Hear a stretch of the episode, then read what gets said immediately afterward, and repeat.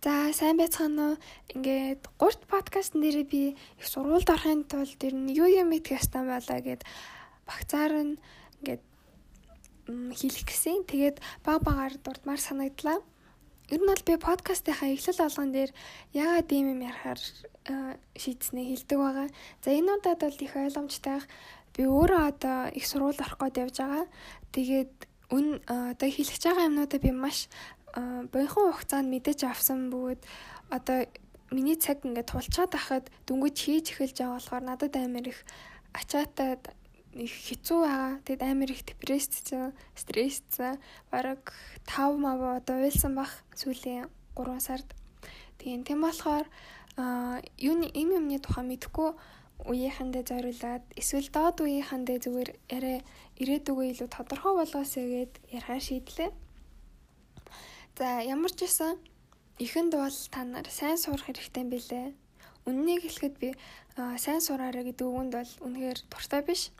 Яг бол хүний мэдлэгийг би дүнгээр тодорхойлж болно гэж юусоо бододгоо.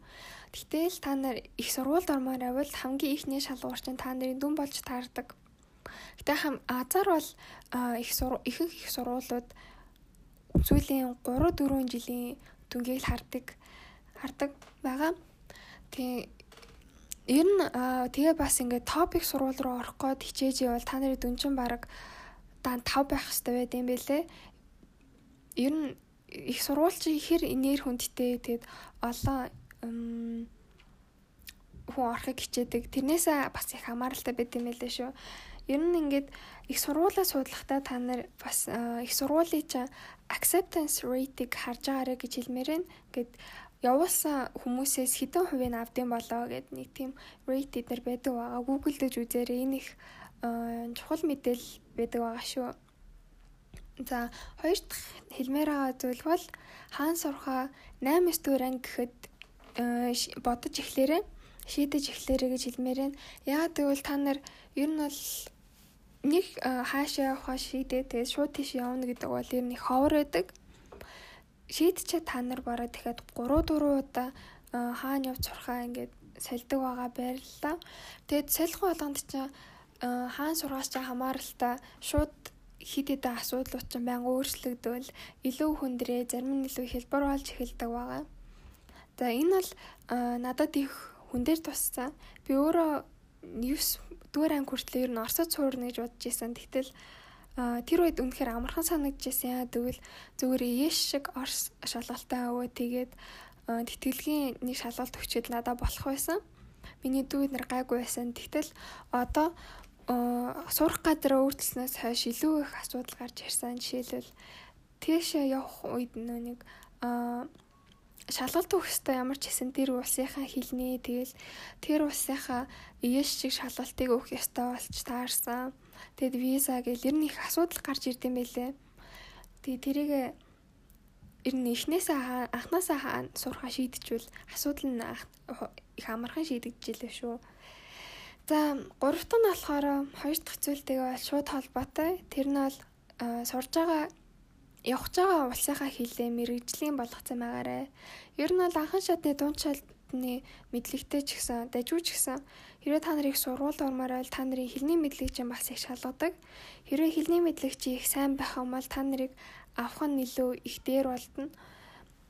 За жишээлбэл таны хэлний мэдлэг агсан төвшнийх арай өөр хүнийх нь дунд төвшнийх тэгсэн мөртлөө та хоёроо бусад зүйл чи их төстэй байх юм бол мэдээж илүү агсан хэлний мэдлэгтэй хүнийг илүү давж үздэг.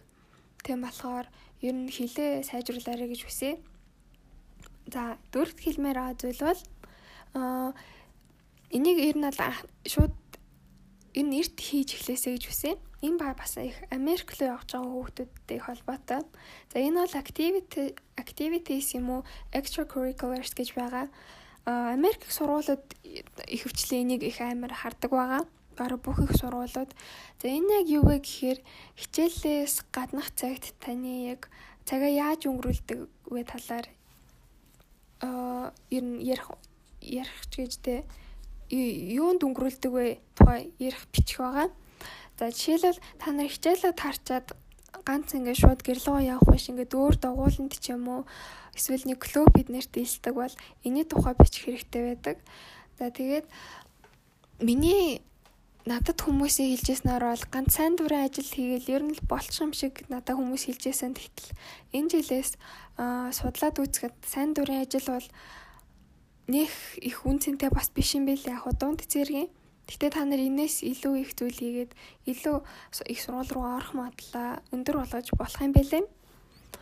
За ингээд жишээлбэл миний ингээд уншсан харьцуултыг харахад нэг хүн а за нэг сурагч сэлэлтийн ингээд улсынхаа сэлэлтийн ингээд шигшээд байсан. Нөгөөтг нь болохоор зүгээр сонирхол э, сонирхоод нэг 2 3 жил сэлжсэн ингээд нэг тийм жишээ байсан байгаа. Тэгээд шигшээд байсан хүн улсынхаа ганц улсынхаа бас олон улсын тэмцээнд орж мороод тэгээд зөндөө шагнал аваад нийтлэл эднэрт бичигдсэн байх ч юм уу нэг тийм зүйл байх э, их байдаг. Тэгээд хэрвээ ингэсэн бол э, энэ хүнийг авах магадлал нь бүр амар их өсдөм байлээ. Тийм болохоор э, энийг их бодож үзээсэй гэж хүсэж байна. Тэгээд ер нь бол айл ирч чадхаараа юм хийж эхлээрэй гэж хүсэж байна.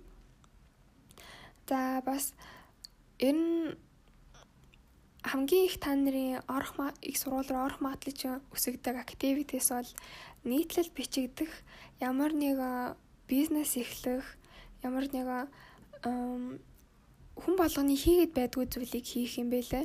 Ягаад гэвэл топик сурвал руу явж байгаа хүн болгоны чам хийж байгаа зүйлний чамд их ер нь их хвчлэн төстэй байдаг. Та нар явж байгаа нэг сурвал эднэр чинь үртэл төстэй байдаг. Тийм болохоор ер нь ариу онцгой юм хийгээсэй гэж хүсэж байна. За тавтах нь болохоор эсээ бичээд сурах. За ялангуяа Тэр улсынхаа хэлээр эсээ бичиж сурах.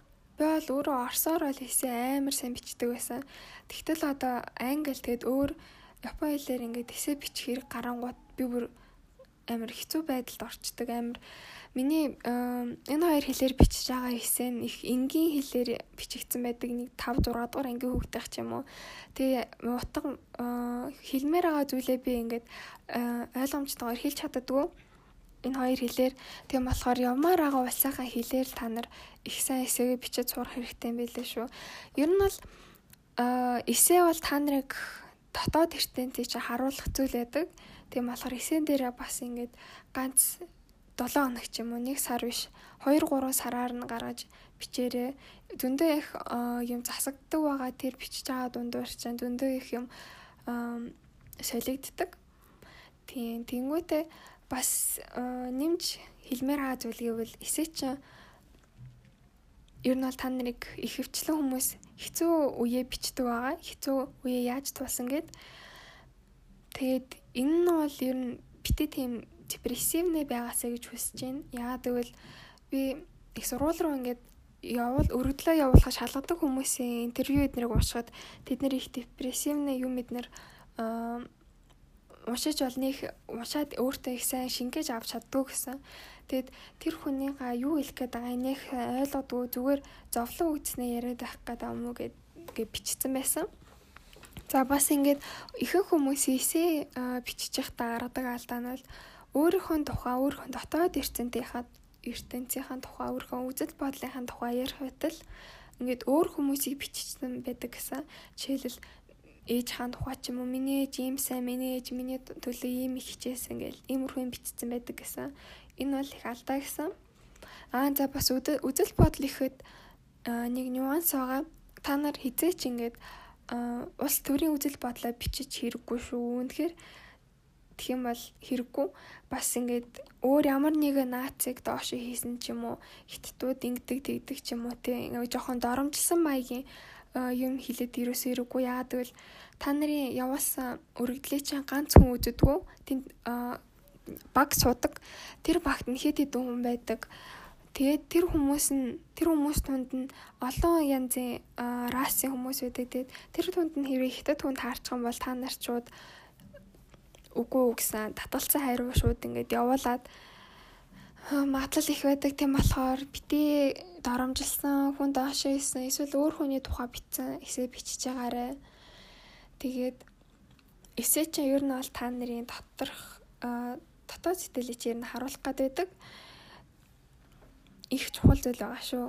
За 6 дахь хэлмээр байгаа зүйл нэг бол шалгалтуудаа сайн бэлдээрээ.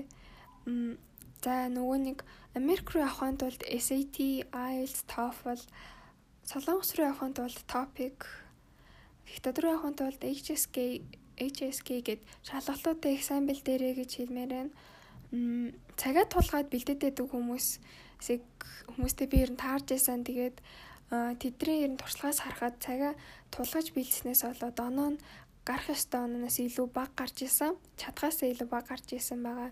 Тэм болохоор ер нь аль чадхаараа эрт эхлээрээ энэ бүх зүйлүүдийг гэж хэлмээр байна. За тэгээд ингээд хэлмээр байгаа зүйл маань энэ хүрээ дууслаа.